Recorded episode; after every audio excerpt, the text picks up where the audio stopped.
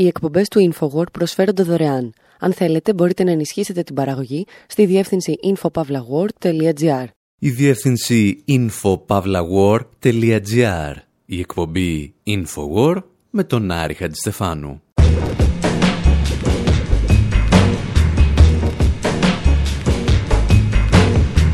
Όπου σήμερα καβαλάμε ένα 18τροχο φορτηγό και ξεχυνόμαστε στους αυτοκινητόδρομους των Ηνωμένων Πολιτειών. Στείνουμε ένα κομβόι φορτηγών μαζί με τον Σβατζενέγκερ και τον Σταλόνε και ταξιδεύουμε από την πετρελαϊκή κρίση της δεκαετίας του 70 μέχρι τις ημέρες μας. Αναρωτιόμαστε εάν τα ρομπότ θα αντικαταστήσουν όλους τους εργαζόμενους του πλανήτη και απαντάμε πώς σας ήρθε αυτή η ιδέα; Θυμόμαστε τους λουδίτες που έσπαγαν τις μηχανές, όχι γιατί τις μισούσαν, αλλά γιατί ήταν ο μοναδικός τρόπος συλλογικής διαπραγμάτευσης της εποχής τους.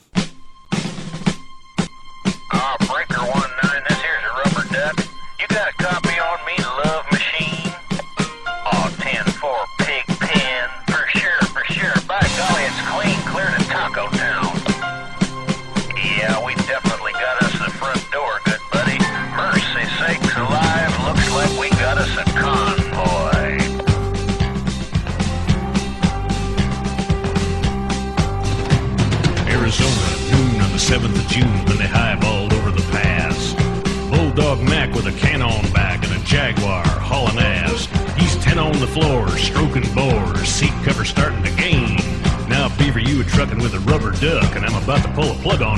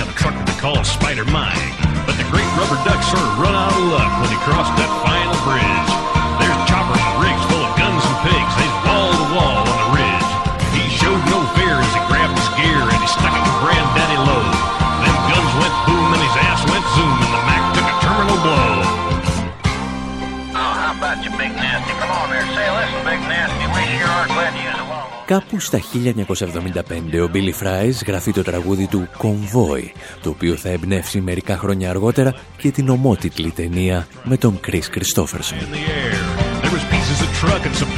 Για την ιστορία το τραγούδι θα μείνει για έξι συνεχόμενες εβδομάδες στην πρώτη θέση των τραγουδιών country και για μία εβδομάδα στη λίστα των pop κομματιών στις Ηνωμένες Πολιτείες.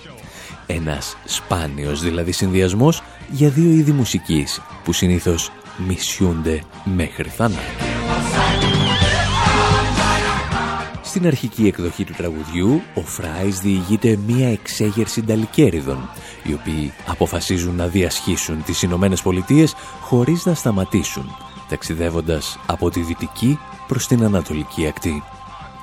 Και όταν λέμε να μην σταματήσουν, εννοούμε κυρίως τους ελέγχους και τα μπλόκα της αστυνομίας και της εθνοφρουράς. You tell me, old man, what good are you? I am the Lord. Don't you understand? I represent the law. Well, piss on you. And piss on your law. Οι λόγοι για τους οποίους οι οδηγοί των φορτηγών θα αμφισβητήσουν τον νόμο και την αστυνομία είναι πολλοί. Καταρχήν δεν δέχονται το νέο όριο ταχύτητας των 90 χιλιόμετρων που έχει μόλις επιβληθεί. Κατά δεύτερον, δεν δέχονται τους περιορισμούς στις ώρες οδήγησης, οι οποίοι έχουν σαν αποτέλεσμα να μειώνεται αισθητά το εισόδημά τους. Και οι δύο αυτοί λόγοι αντικατοπτρίζουν την άθλια κατάσταση στην οποία έχει βρεθεί η Αμερικανική οικονομία και ολόκληρος ο πλανήτης. Και αν άνοιγε στην τηλεόραση εκεί στα 1973 θα καταλάβαινες αμέσως τι είχε συμβεί. This is NBC Nightly News, Wednesday, October 17th. Reported by John Chancellor. Good evening. The Middle East War produced developments all over the world today. Καλησπέρα. Ο πόλεμος στη Μέση Ανατολή πυροδοτεί σήμερα εξελίξεις σε όλο τον κόσμο. Οι πετρελοπαραγωγές χώρες του αραβικού κόσμου αποφάσισαν να χρησιμοποιήσουν το πετρέλαιο σαν πολιτικό όπλο. Θα μειώνουν την παραγωγή κατά 5% το μήνα έως ότου το Ισραήλ αποχωρήσει από τα κατεχόμενα έδαφη. Εάν τηρήσουν την απόφασή τους, η παραγωγή θα μειωθεί περίπου κατά 50% σε ένα χρόνο. Σε εξέλιξη βρίσκονται ήδη διπλωματικοί ελιγμοί στα Ηνωμένα Έθνη, την Ουάσιγκτον και το Κάιρο. There were diplomatic maneuvers at the United Nations, in Washington and in Cairo. Η έλλειψη πετρελαίου αναγκάζει τα κράτη να μειώσουν δραματικά την κατανάλωση. Στη Βρετανία, η τηλεόραση του BBC κλείνει νωρίτερα ώστε οι πολίτες να κοιμούνται νωρίτερα και να μην καταναλώνουν πολλή ενέργεια. Και στις Ηνωμένες Πολιτείες, μεταξύ άλλων μέτρων, επιβάλλεται όπως είδαμε το όριο ταχύτητας των 90 χιλιόμετρων για να περιοριστεί η κατανάλωση. Οι οδηγοί βέβαια δεν διαμαρτύρονται γιατί θέλουν να τρέχουν, αλλά γιατί αν μειώσουν την ταχύτητα, αλλά και τον χρόνο που μένουν στο τιμόνι, θα μεταφέρουν λιγότερα προϊόντα και το εισόδημά τους θα περικοπεί δραστικά.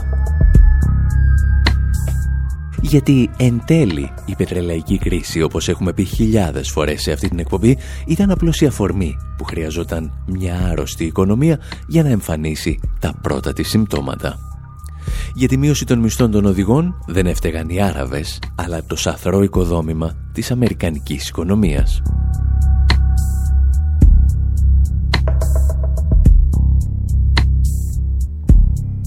Το κομβόι και σαν τραγούδι και σαν ταινία στείνεται πάνω στον μύθο των ασυμβίβαστων Αμερικανών ταλικέριδων.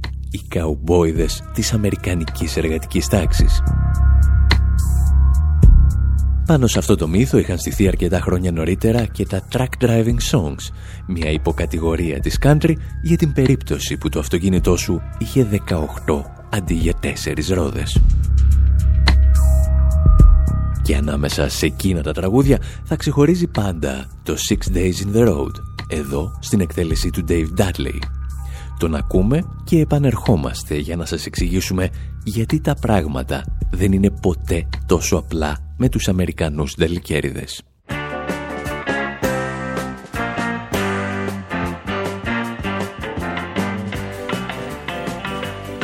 Well, I pulled out a Pittsburgher rolling down that eastern seaboard. I got my diesel wound up and she's a running like I never before. As the speed's on ahead, but alright. I don't see a cop in sight. Six days on the road and I'm gonna make it home tonight. I got me ten forward gears and a Georgia overdrive. I'm taking little white pills and my eyes are open wide. I just passed a Jimmy and a white. I've been a passing everything in sight. Six days on the road and I'm gonna make it home tonight. Well, it seems like a month since I kissed my baby goodbye. I could have a lot of women, but I'm not like some of the guys. I could find one to hold me tight, but I could never make believe it's alright. Six days on the road and I'm gonna make it home tonight.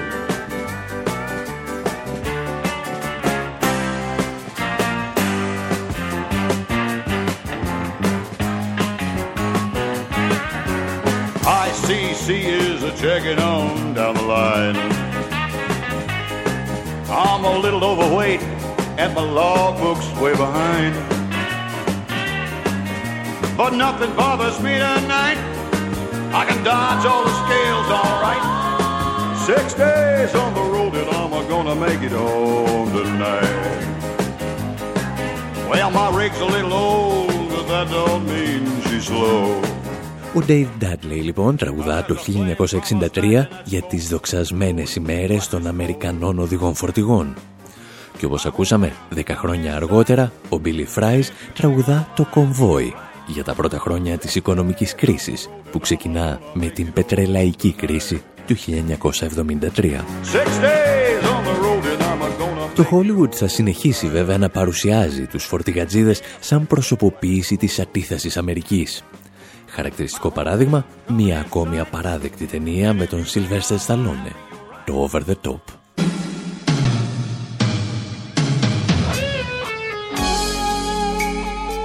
Αυτή τη φορά ο οδηγός μας παίρνει μέρος σε αγώνες Brad Fair με την ελπίδα να κερδίσει ένα καινούριο φορτηγό.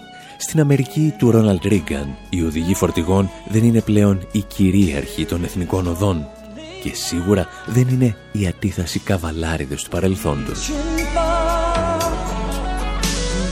Οι εταιρείες που ελέγχουν τα δίκτυα μεταφορών με φορτηγά επιβάλλουν συνθήκες εργασίας που θυμίζουν περισσότερο την παλιά γραμμή παραγωγής ενός εργοστασίου. Κάθε κίνηση και κάθε στάση του οδηγού, ακόμη και μια σύντομη τουαλέτα δηλαδή, καταγράφονται. Λίγα χρόνια αργότερα, συστήματα υπολογιστών καταγράφουν και την μέση ταχύτητα, της επιταχύνσης και της επιβραδύνσης που πραγματοποιεί κάθε όχημα στην Εθνική Οδό. Οι οδηγοί από καουμπόιδες της ασφάλτου αρχίζουν να θυμίζουν περισσότερο τα ανδροειδή που οδηγούν ταλίκες στην ταινία «Ο εξολοθρευτής» με τον Σβατζενέγκερ.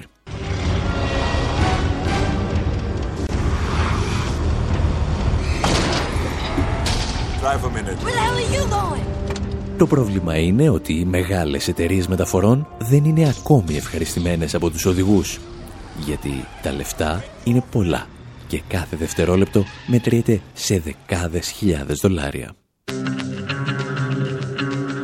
Η βιομηχανία μεταφορών με φορτηγά έφτασε τα 700 δισεκατομμύρια δολάρια και το 1 τρίτο του κόστους είναι η μισθή των οδηγών.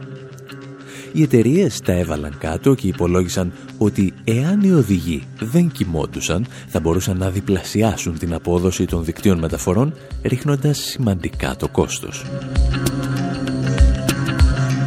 Και η λύση στο πρόβλημα που προτάθηκε ήταν να αφαιρεθεί ο αδύναμος κρίκος της αλυσίδας, δηλαδή ο Νταλικέρης. Αυτά όμως θα σας τα πούμε σε λιγάκι.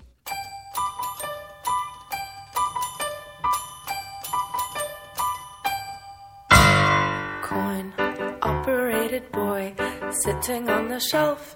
He is just a toy, but I turn him on and he comes to life.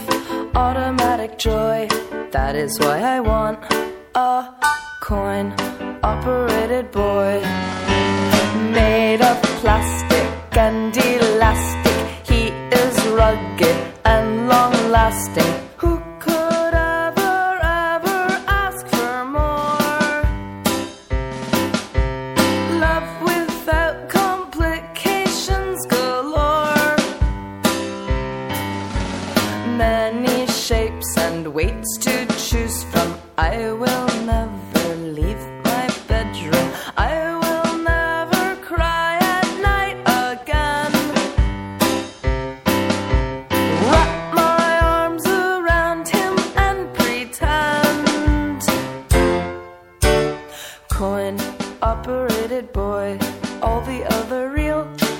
that I destroy. Can I hold a candle?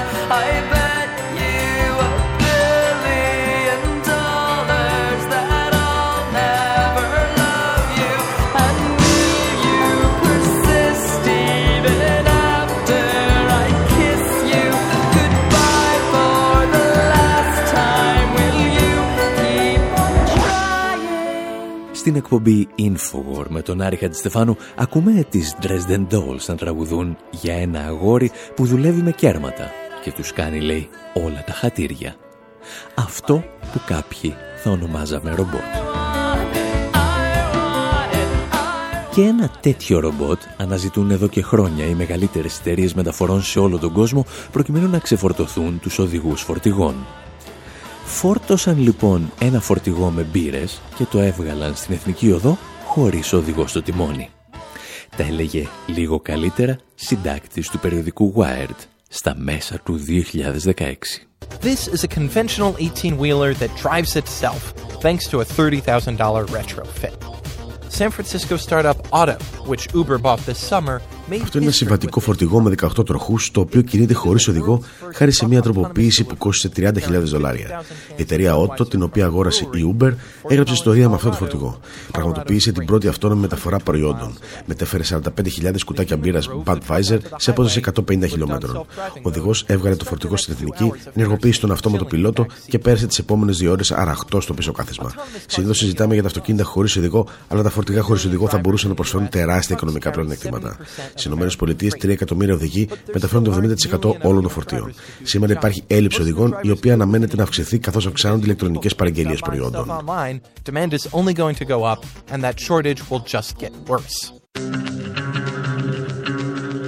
Τα φορτηγά χωρίς οδηγούς λοιπόν υπόσχονται να απομακρύνουν τον ανθρώπινο παράγοντα που αντιστοιχεί στο 70% του κόστους των οδικών μεταφορών, τουλάχιστον στις Ηνωμένες Πολιτείες. Και ένα από τα επιχειρήματα που αναμασούν οι μεγάλες εταιρείες μεταφορών είναι ότι με αυτόν τον τρόπο θα περιοριστούν και τα ατυχήματα και τα δυστυχήματα στους δρόμους. And roughly 400,000 trucks crash every year, killing about 4,000 people. Κάθε χρόνο 400.000 φορτηγά έχουν κάποιο ατύχημα σκοτώνοντας 4.000 άτομα. Το κόστος για την οικονομία ανέρχεται σε αρκετά δισεκατομμύρια δολάρια και σχεδόν πάντα πρόκειται για ανθρώπινο σφάλμα.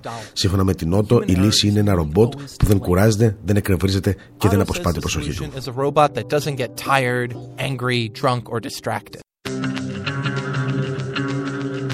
Για να συνοψίσουμε, οι νταλικέριδες δεν μπορούν να οδηγούν περισσότερο από 11 ώρες την ημέρα.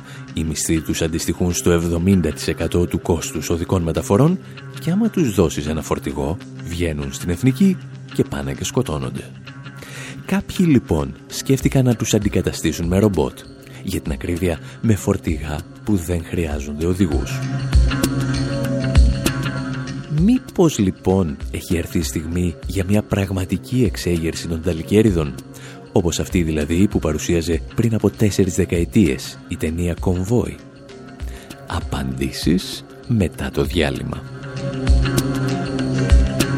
Εσάς πάλι που σας αρέσουν τέτοιου είδους μουσικές ιστορίες, να θυμάστε ότι μπορείτε να βρίσκετε μερικές εκατοντάδες από δάφτες στη σελίδα μας info.pavlawar.gr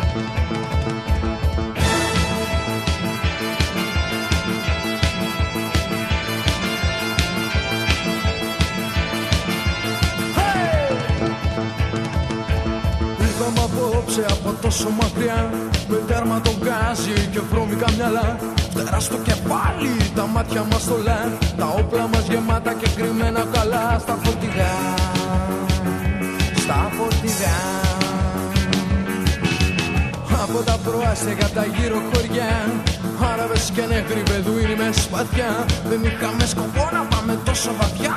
Μα κάποιος από εμάς στον δρόμο πέταξε τη λέξη φωτιά. Λέξη φωτιά. Καλέστε τα πλήθη που με τρόμο κοιτάν το καρναβάλι μας. Ουρλιάζοντας. Πιο δυνατά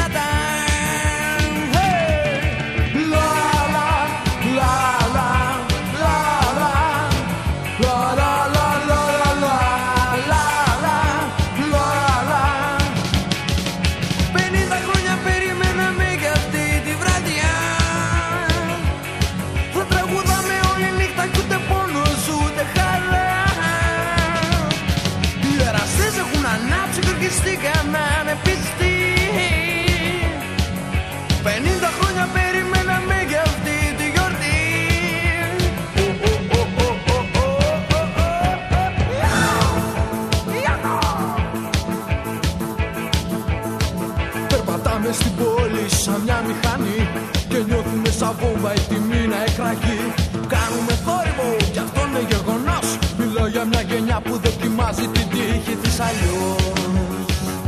Κάπως αλλιώς. Και τα πάντα πέφτουν όταν παίζουμε μαζί τους πια στο νόημα Πια στο νόημα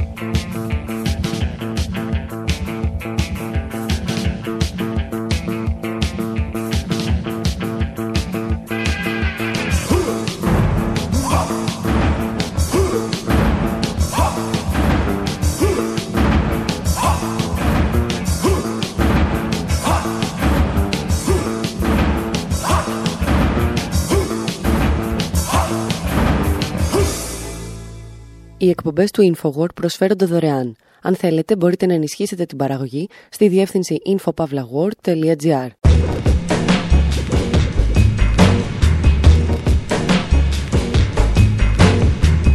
Εκπομπή Infowar με τον Άρη Χατζηστεφάνου, μέρος δεύτερο. Όπου σήμερα συζητάμε για Αμερικανούς και όχι μόνο νταλικέριδες. Τους είδαμε να περνάνε από τη χρυσή εποχή της δεκαετίας του 60 στην κρίση της δεκαετίας του 70 και τώρα ακούμε ότι κάποιοι σκέφτονται να τους αντικαταστήσουμε με ρομπότ. Και το θέμα μας φυσικά δεν είναι μόνο ότι θα απογίνει ένας συγκεκριμένος κλάδος, αλλά αν θα πρέπει να ανησυχούμε ότι μία ημέρα ένα ρομπότ θα πάρει και τη δική μας δουλειά και τη δική μου που σας ιστόρω. Πριν απαντήσουμε όμως για το μέλλον, θα αναζητήσουμε μερικές μορφές αντίδρασης του παρελθόντος. Θα αναρωτηθούμε εάν οι ταλικέριδες θα πρέπει να γίνουν λουδίτες και να σπάνε τις μηχανές που απειλούν να τους πάρουν τη δουλειά. Ένα αρχή λοιπόν το συγκρότημα Ludites.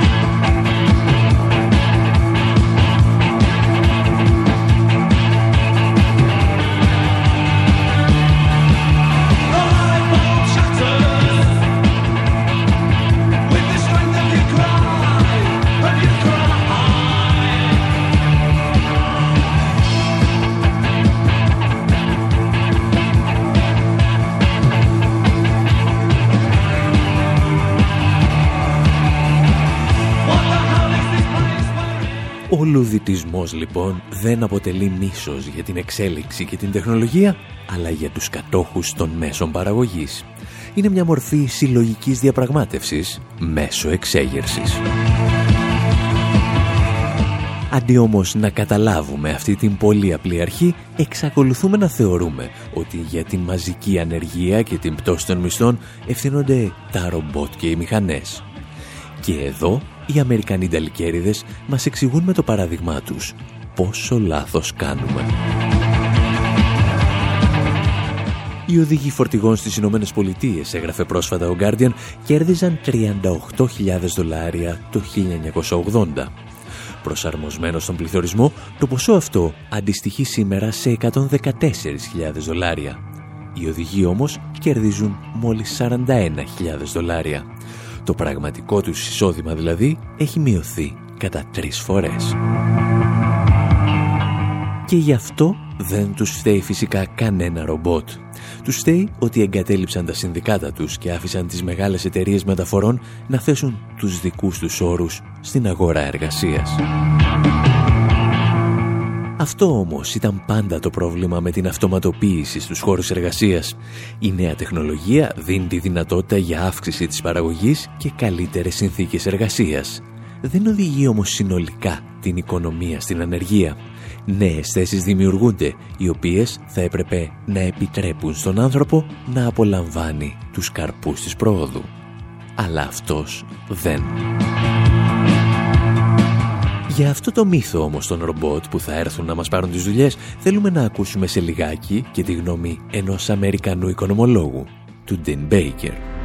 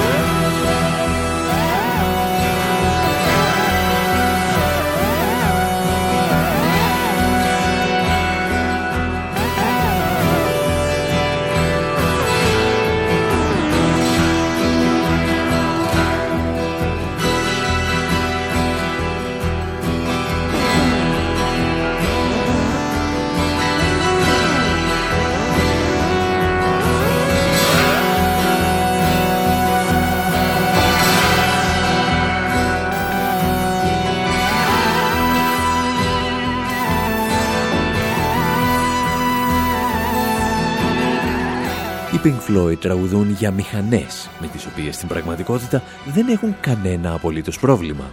Γιατί στο τραγούδι τους Welcome to the Machine, η μηχανή είναι οι μεγάλες δισκογραφικές εταιρείες. Είναι δηλαδή οι κάτοχοι των μηχανών.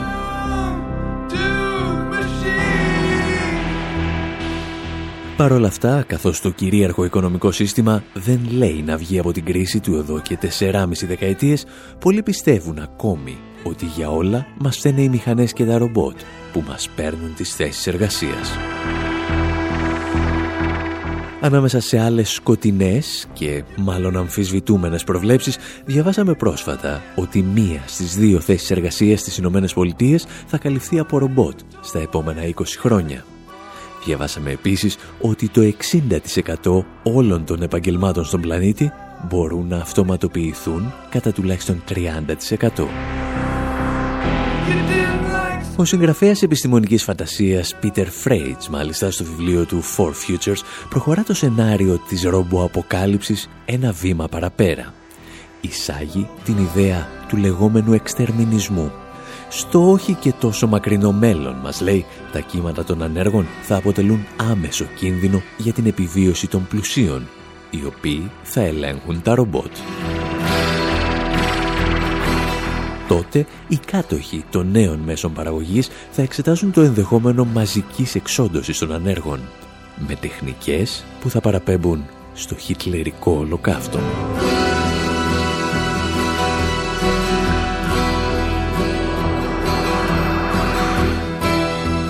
Ένας από τους ανθρώπους που τα έχουν πάρει άσχημα με αυτή την αιμονή να κατηγορούμε την τεχνολογία είναι και ο Αμερικανός οικονομολόγος Dean Baker, αν θυμάστε, τον είχαμε γνωρίσει πριν από χρόνια στα γυρίσματα του ντοκιμαντέρ Καταστρόικα στην Ουάσιγκτον.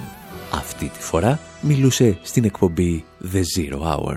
This is an incredibly like misguided, wrong-headed notion, and I guess I'm getting more angry about. Πρόκειται για μια εξαιρετικά λανθασμένη άποψη και εκνευρίζουμε όλο και περισσότερο καθώς την ακούω από ανθρώπους που δεν πίστευαν ότι θα την αναφέρουν. Έχουμε στη διάθεσή μας πολύ αξιόπιστα στοιχεία για την επιχειρηματική ανάπτυξη. Και είναι αξιόπιστα γιατί είναι απλά.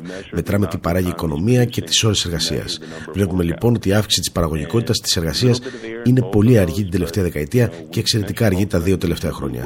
Η άποψη ότι οι μηχανές αντικαταστούν τους ανθρώπους είναι μια φαντασίωση. Φυσικά υπάρχουν άνθρωποι που χάνουν τη δουλειά τους, αλλά αυτό συνέβαινε πάντα. Συμβαίνει εδώ και δύο αιώνες από τότε που οι Λουδίτες ή οι εργαζόμενοι στην κλωστοϊφαντουργία έχαναν τη δουλειά τους από μηχανές. Το ερώτημα είναι με τι ρυθμό χάνουν τη δουλειά τους από τις μηχανές. Και εδώ βλέπουμε ότι ο αριθμό είναι πολύ μικρότερο σε σχέση με τη δεκαετία του 90 και ακόμη πιο μικρό σε σχέση με τη χρυσή εποχή μετά το δεύτερο παγκόσμιο πόλεμο. Η ιδέα λοιπόν ότι για τη μασική ανεργία ευθύνονται οι μηχανές βρίσκεται μόνο στο μυαλό των ανθρώπων. Δεν έχει καμία σχέση με την πραγματικότητα. that's not in the world. Η αυτοματοποίηση λοιπόν δεν επελάβνει όπως υποστηρίζουν ορισμένοι και τα ρομπότ δεν είναι αυτά που μας παίρνουν τις δουλειές. It's not the machines, it's real bad policy. It's people with shit in their head who couldn't see an 8 trillion dollar housing bubble. Sorry, I swore on the radio. Δεν φταίνε μηχανές, αλλά οι κακές πολιτικές αποφάσεις. Φταίνε όσοι είχαν σκατά στο κεφάλι τους και δεν μπορούσαν να δουν μια φούσκα στην αγορά κινήτων ύψους ενός τρισεκατομμυρίου δολαρίων. Συγγνώμη που βρίζω στο ραδιόφωνο. Έχουμε επίση ένα εμπορικό έλλειμμα που στοιχίζει εκατομμύρια θέσεις εργασίας. Αυτές είναι πολιτικές, δεν είναι μηχανές. Και ύστερα μιλάνε για το κατώτατο εγγυημένο εισόδημα, το οποίο δεν πετυχαίνουν ποτέ. Οπότε είναι σαν να λες ότι όλοι μας την έχουμε πατήσει. Και αυτό δεν είναι αστείο.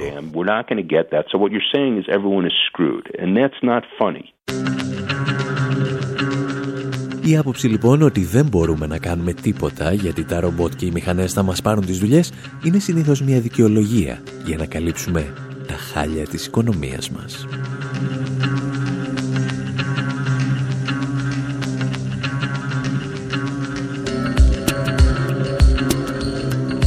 Κάπου εδώ όμως εμείς φτάσαμε στο τέλος και αυτής της εκπομπής.